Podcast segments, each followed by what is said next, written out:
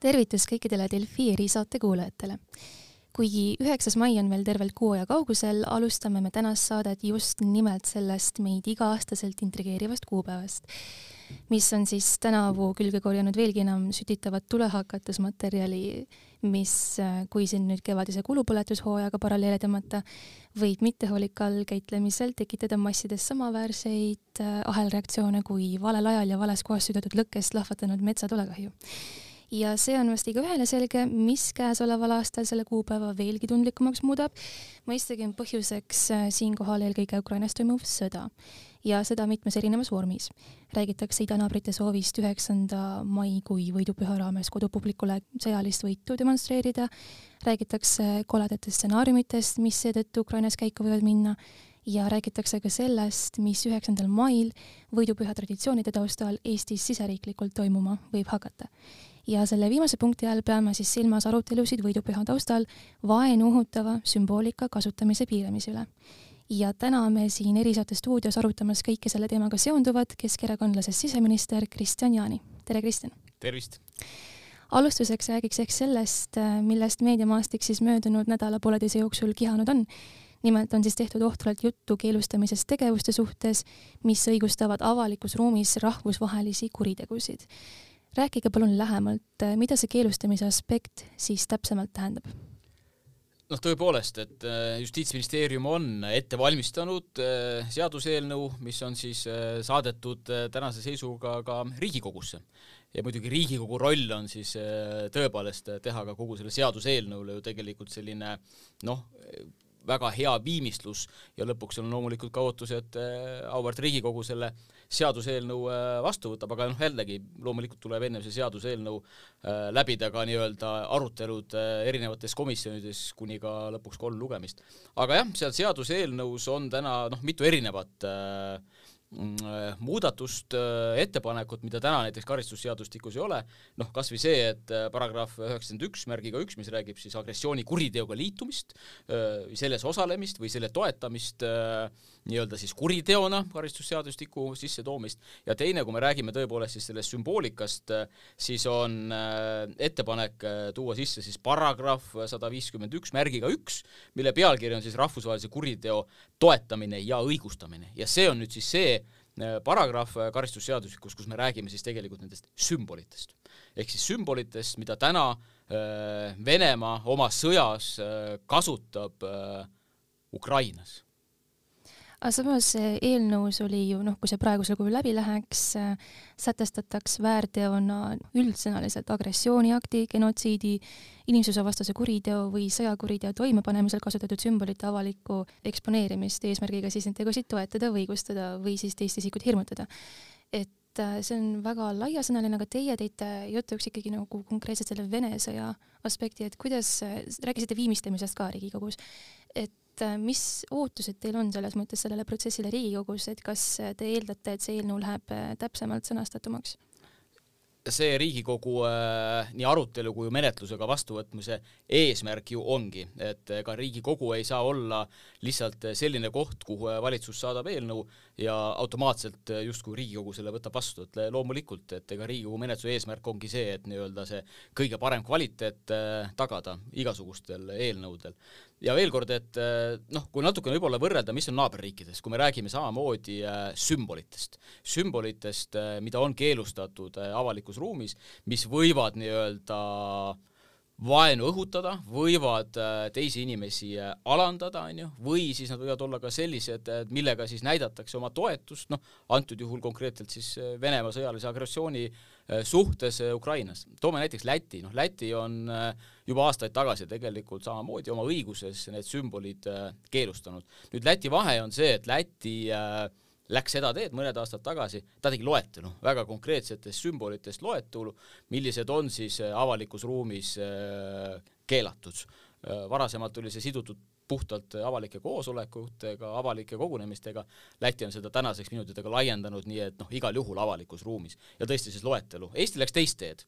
eelnõu ettepanekus, siis Eesti läks seda, nii-öelda läbi konteksti, et me ei tee eh, loetelu, aga me loome nagu konteksti, et eh, kui eh, kasutatakse avalikus ruumis sümboleid, mida samal ajal on kasutatud näiteks inimsusevastases kuriteos, agressioonis, kuskil kellegi riigi okupeerimisel, et kui selliseid sümboleid kasutatakse, siis avalikus ruumis peaks see olema Eestis keelatud. no et kõikidele eestimaalastele saaks see kõik nii selgeks kui võimalik milliseid akte siis politsei avalikus ruumis karistama asub? kõigepealt tuleb äh, seaduseelnõu muidugi äh, vastu võtta. aga nüüd see, kuidas äh, politsei hakkab sekkuma, kui me nüüd räägime, noh, loome siis selle olukorra, et meil on tulevikus olemas paragrahv sada viiskümmend üks märgiga üks, mis siis räägib rahvusvahelise kuriteo toetamisest ja õigustamisest ja lihtsalt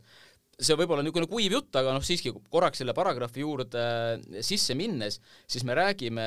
agressiooniakti, genotsiidi, inimsusevastase kuriteo või sõjakuriteo toimepanemisel kasutatud sümboolika avaliku eksponeerimise eest. Ja nüüd on oluline, et mis on see eesmärk, mis on see eesmärk, miks nagu avalikus ruumis seda kasutatakse? Ja jällegi, see eesmärk peab olema see, et neid tegusid toetada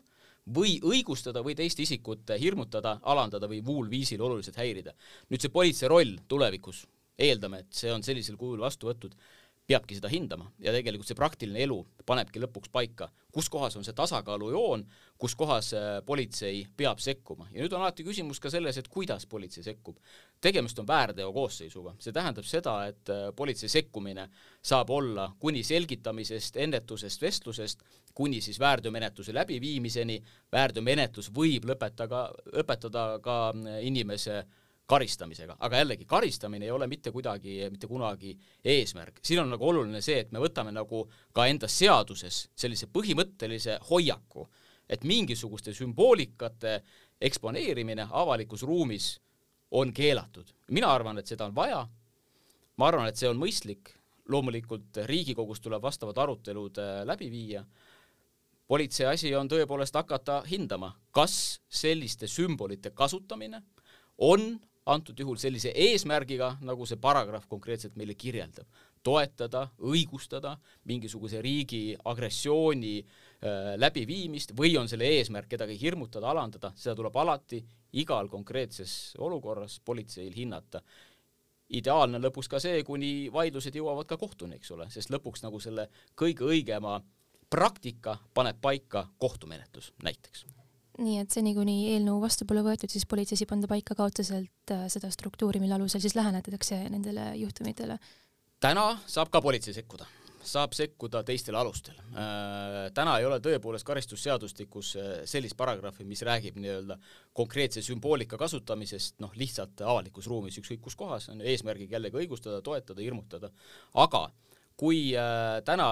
sellesamase tegevuse käigus rikutakse avalikku korda, no hästi lihtne näide, kui äh, avalikus kohas äh, keegi inimene käib ja räuskab ja karjub ja rikub kõrval seisvaid inimesi ja samal ajal näiteks on tal käes mingisugune lipp, millel on näiteks Z-tähis, eks ole, siis ta paneb toime lihtsalt avaliku korra rikkumise, noh avaliku korra rikkumist saab ikka menetleda, lihtsalt tal on lisaks kaasas ka üks nagu sümbol, no see sümbol ei ole eraldi nagu karistatav täna, aga see tegu, selline räuskamine, avaliku korra rikkumine, paragrahv kaks kuus kaks, politsei saab ikkagi sekkuda korrakaitseseadus täna võimaldab ka politseil näiteks sekkuda sellisel kujul, et ta võtab sellise sümboolika inimesel hoiule, juhul kui see on vajalik eh, ohu ennetamiseks. toon näite mm, olukord selline, kus on suur hulk inimesi näiteks eh, koos, näiteks mingi avalik koosolek või avalik üritus, ka täna kehtivas õigusruumis, ja keegi tuleb sinna rahva sekka jällegi äh, mingisuguse sümboolikaga mis võib inimesi äh, näiteks hirmutada. noh, võtame jällegi sellesama see sümboli, mis täna on näiteks äh, saanud äh, Vene agressioonisõja sümboliks Ukrainas, on see Z-täht. et kui täna niisugune inimene tuleb mm, jällegi, ma ei tea, sellise lipuga või sellise plakatiga kuskile rahva hulka, siis see võib seal põhjustada avaliku korra rikkumist. See võib põhjustada seda olukorda, et inimesed lähevad talle kallale näiteks ja politseil on ohu ennetamiseks võimalus võtta see plakat näiteks hoiule lihtsalt sellepärast, et takistada olukorra eskaleerumist, nii et noh, politseil on ka täna võimalus sekkuda, aga loomulikult see vajab hästi palju nagu sellist eelnevat äh, tegevist, tõlgendamist, äh, analüüsimist, aga saab sekkuda. meil on vaja, et õigusesse konkreetselt tuua sisse, et on olemas sümbolid, mis ei ole avalikus ruumis lubatud ja kui nüüd võrrelda Läti ja Eesti varianti, siis kumb on teie meelest äh, parem, kas see üldsõnalisus või ikkagi nime, nimetatud? konteksti loomine on parem. teha seaduses loetelusid, noh, me jõuame sinna, et täna on see Z-täht näiteks, võib-olla veel mingisugused erinevad sümbolid, olgu nad Georgi lindid või, või Vene armee mingisugune sümboolika, siis võib-olla kuu aja pärast on seal midagi muud mida rakendatakse sama vankri ette, kuhu täna on rakendatud see sümbol Z näiteks, eks ole. ja oleks nagu äärmiselt äh, noh,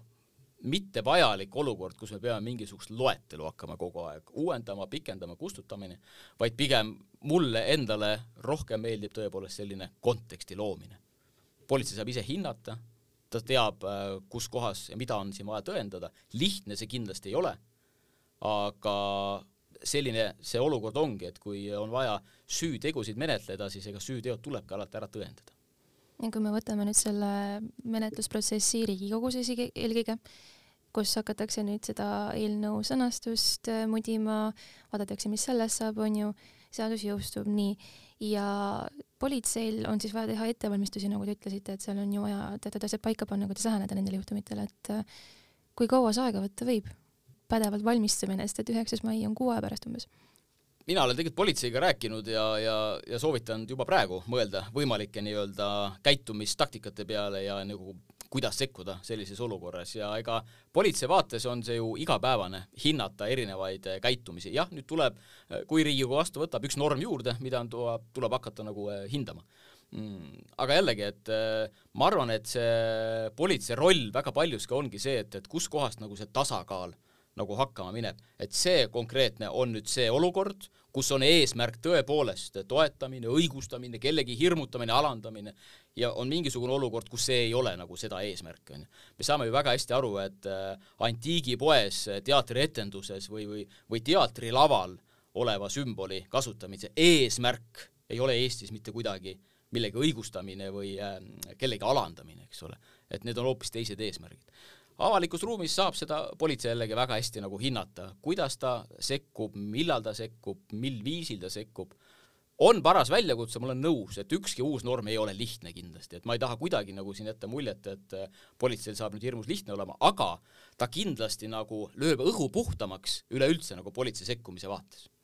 mm. -hmm. ja kui me võtame selle üheksanda mai jälle lihtsalt äh, hea näide tuua, sest et äh, kõige, kõige nagu asjakohasem päev selle kogu asja kontekstis on ju see üheksas mai, et kui need Vene babuškad viivad siis äh, paar nelki, mis on Georgi lindiga kokku põimitud pronkssõduri juurde, mis siis saab, viiakse politseiautoga minema või? ei viida, ei viida ja alati on võimalik vestelda inimesega, selgitada, inimene saab äh, üldjuhul alati ka selgitustest aru, eks ole. ma lihtsalt toon võib-olla kõrvale nagu teise näite, nagu kuidas võib-olla politsei nagu võiks mõelda. lihtsalt kaks näidet, üks on see üheksakümne aastane Äh, vanatädi, eks ole, võib-olla, kes läheb äh, üheksandal mail mälestama sõjas hukkunuid ja langenuid ja see on täiesti okei okay., üheksandal mail võib mälestada hukkunuid, sõjas langenuid hukkunuid. Küsimus on, kuidas me seda teeme veel kord, kas me teeme seda äh, provotseerivalt suure peo ja hõiskamise saatel, mis ei ole mitte kuidagi kohane enam äh,, või me teeme seda väärikalt, rahumeelselt, läheme paneme lille äh, kas siis monumendi juurde või äh, hauatähise juurde ja lähme rahulikult edasi ja oma mõttes mälestame. või nüüd teine eesmärk, lihtsalt toon näite, BMW auto täis noori inimesi, suured Nõukogude Liidu lipud, mitte eksisteeriva riigi lipud aknast väljas, Georgi lentidega ehitud ja, ja tiir-, tiirutab kummivilinal näiteks majutuskoha ees äh, Mm, mis majutab parajasti sõjapõgenikke. on erinevad kaasused, kuskil politsei sekkumine tõesti vajalik, kiire, väga resoluutne, kuskil mitte nii väga. noh, selge pilt, need on kaks väga vastukäivat näidet selles mõttes jah, et kui nüüd võtame selle tavalise mälestamise, millega inimesed harjunud on siin, siis rahulikul viisil tehes ei ole mingit probleemi, aga kui sellel on provokatsioonimaik, no võtame, kui näiteks keegi on pronkssõduri juures jälle Äh, näiteks sellesama Georgi lindi värvides äh, Z-tähe lipuga ja hõiskab loosungeid, mis siis saab? Igal juhul olukord, kuhu peab resoluutselt äh, sekkuma, täna igal juhul, olgu meil see eelnõu äh, selleks ajaks vastu võetud konkreetselt või mitte, siis äh, sekkuma peab äh, politsei äh, igal juhul. see ei ole täna mitte kuidagi enam kohane, et sellisel kujul keegi tuleb ütelda, ütlema, et ma tähistan siin äh, teise maailmasõja lõppu või, või ma, ma sellisel kujul mälestan äh, sõjas äh, hukkunud ja langenuid. sõjas hukkunud ja langenute mälestamine peab olema väärikas, nagu ma ütlesin,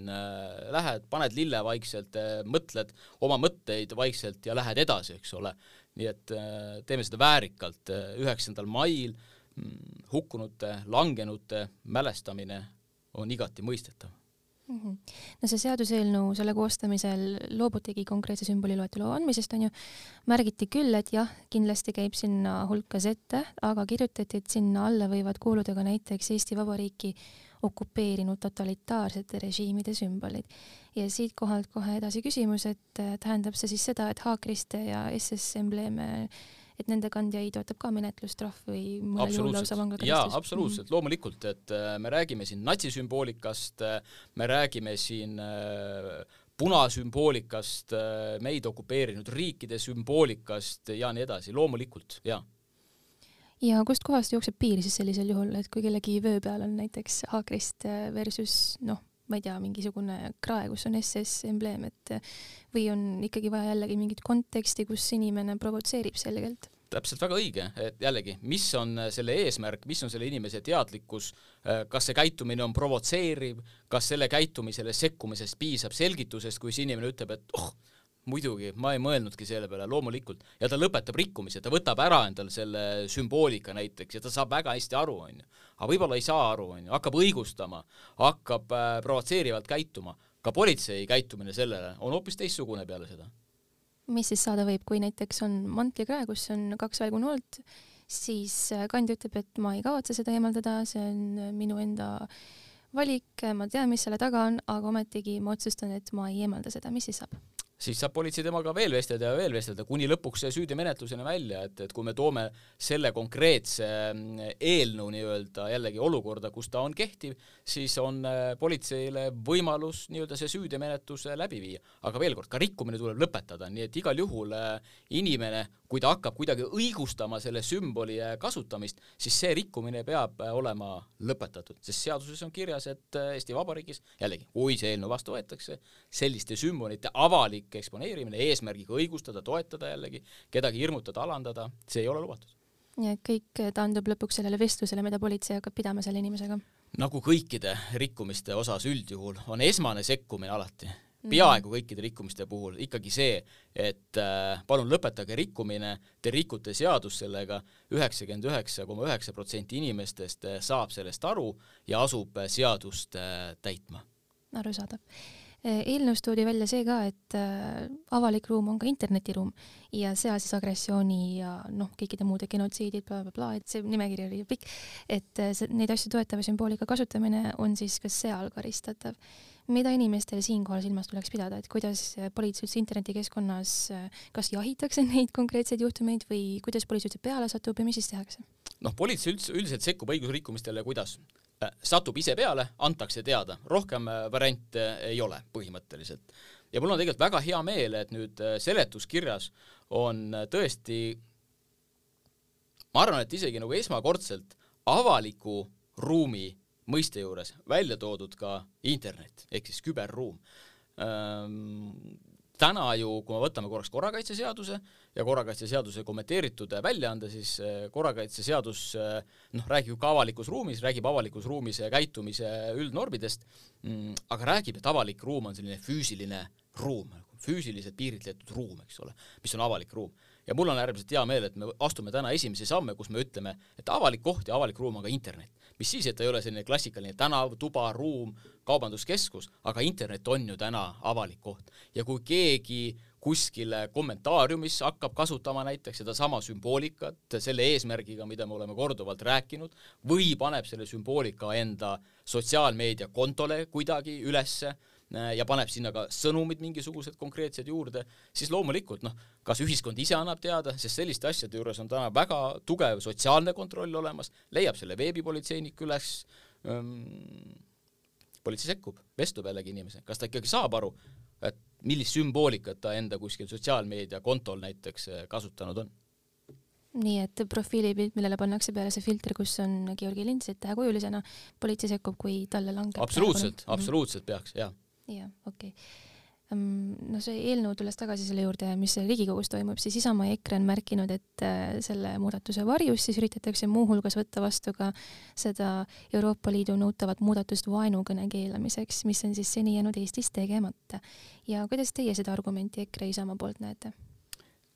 Ütleme, see sada viiskümmend üks ehk siis vaenu õhutamise paragrahv täna karistusseadustikus seal jah, täna on siis nii-öelda selle ettepanekuna äh, või muudatusettepanekuna nii-öelda väärteo koosseisus siis äh, ära kaotatud see tagajärje saabumine nii-öelda, ehk siis see tagajärje süütegu. Äh, et kui varasemalt oli sõnastus see, et et sellise tegevusega, on ju, kus siis äh, õhutatakse vaenusele ka siis rassilise, sugulise, noh, mis iganes nagu äh, tegevuse osas, isikute või isikute grupi vastu, et sellele pidi järgnema ka reaalne oht nii-öelda sellele tegevusele, reaalne tagajärg. täna on nagu see tõepoolest sealt nagu välja võetud ettepanekus, jah, ma olen nõus, et äh, parlamendierakondade vahel äh, võib see saada problemaatiliseks, oluline on äh, jällegi see, et selle eelnõuga saaks edasi liikuda ja noh, ma jõuan jällegi sinna, et Riigikogu menetluse käigus on loomulikult võimalik teha eelnõusse ka muudatusi, sinna midagi lisada, sealt midagi ära võtta. oluline antud juhul on minu hinnangul äh, see osa, mis on seotud äh, sümbolitega. nii et kui Isamaa ja EKRE ütlevad, et just nimelt see muudatus, mis te nüüd ette lugesite, onju, et kui see neile kuidagigi ei sobi, mis oleks see kompromiss teie silmis? Jätame selle arutelu kõik Riigikogule, et Riigikogu on äh, hulk väga tarkasid inimesi, kelle ülesanne ongi tegelikult seaduseelnõud nii-öelda noh, kuidas siis öelda, kvaliteedi kontrolli mõttes äh, läbi käia, eks ole, nii et see ongi see ootus Riigikogule, nii et las seda tööd teeb Riigikogu, las seda teevad ennem vastavad komisjonid või komisjon, õiguskomisjon näiteks, kuhu kutsutakse ka eksperdid, valdkonna eksperdid, praktikud, seda kõike saab arutada mm. -hmm. no kogu selle eelnõu temaatika taustal siis äkki räägiks sellest praktikast ka, et äh, see senine kogemus politseil alates sõja algusest kuni tänaseni välja, et äh, kas saaksite palun siis kirjeldada neid juhtumeid umbes, kui palju neid on olnud ja mis laadi neid on olnud seal, kus tuleb politseil sekkuda selle sümboolikaga seotud asjaoludesse? jaa, kui me võtame siin aprilli alguse seisu, siis äh, politsei on saanud kuskil viiskümmend teadet, viiskümmend teadet selle kohta, et kuskil avalikus ruumis on siis kasutatud noh, ütleme sellist sümboolikat, mida täna Venemaa oma agressioonisõjas on kasutanud ja mis on siis nii-öelda äh, väljendab, eks ole, jällegi seda toetust äh, Venemaa tegevusele Ukrainas. politsei sekkumine täna vestlemine sellises olukorras,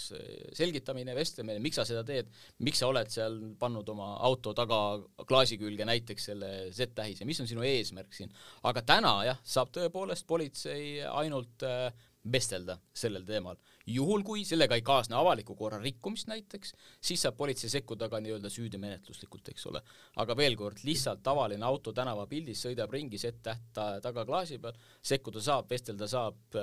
saab ettepanekuga teha, et palun see ära võtta, te ju saate aru, mida see sümbol täna tähendab, milliseid tundeid võib inimestes tekitada, nii et seda saab ka täna politsei teha. süüdimenetluslikus sellises tavaolukorras sekkuda ei saa nii et kui meil oleks praegusel juhul see, mis oli Berliinis see autoprotest, kus mitmed äh, tuhanded autod, nii palju kui ma siis aru sain, äh, tulid selle Vene agressiooni toetava sümboolikaga tänavatele, et selles olukorras ikkagi politsei peaks siis konkreetselt juh-, suhtlema iga autojuhiga, küsima, mis on teie eesmärk. Jah, ma ei tea, kuidas nüüd Saksamaa õigusruumis see reguleeritud on, aga see pilt muidugi, mis avanes, oli nagu masendav ausalt öeldes onju, nii et äh, ja korra, korralik väljakutse muidugi kindlasti ka kohalikule politseile, nii et aga väga masendav, veel kord me näeme täna iga päev, eh, mida Venemaa Ukrainas teeb, neid sõjakuritegusid, neid inimsusevastaseid kuritegusid, seda genotsiidi, me oleme näinud paar päeva väga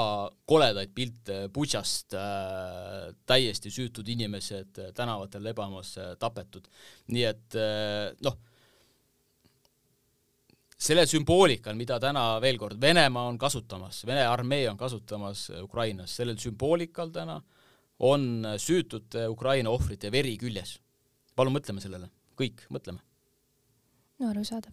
ja noh, selle kõigega me olemegi tegelikult lõpusirgele jõudmas saatega, et äkki võtaks siis äh, veel kord lühidalt ja kompaktselt kokku, et äh, kui seaduseelnõu sellisel kujul siis läbi läheb või väga sarnasel kujul vähemalt, et hakata nagu kindlalt kitsendama, mis asjad siis täpsemalt arutelu all on ja nii edasi,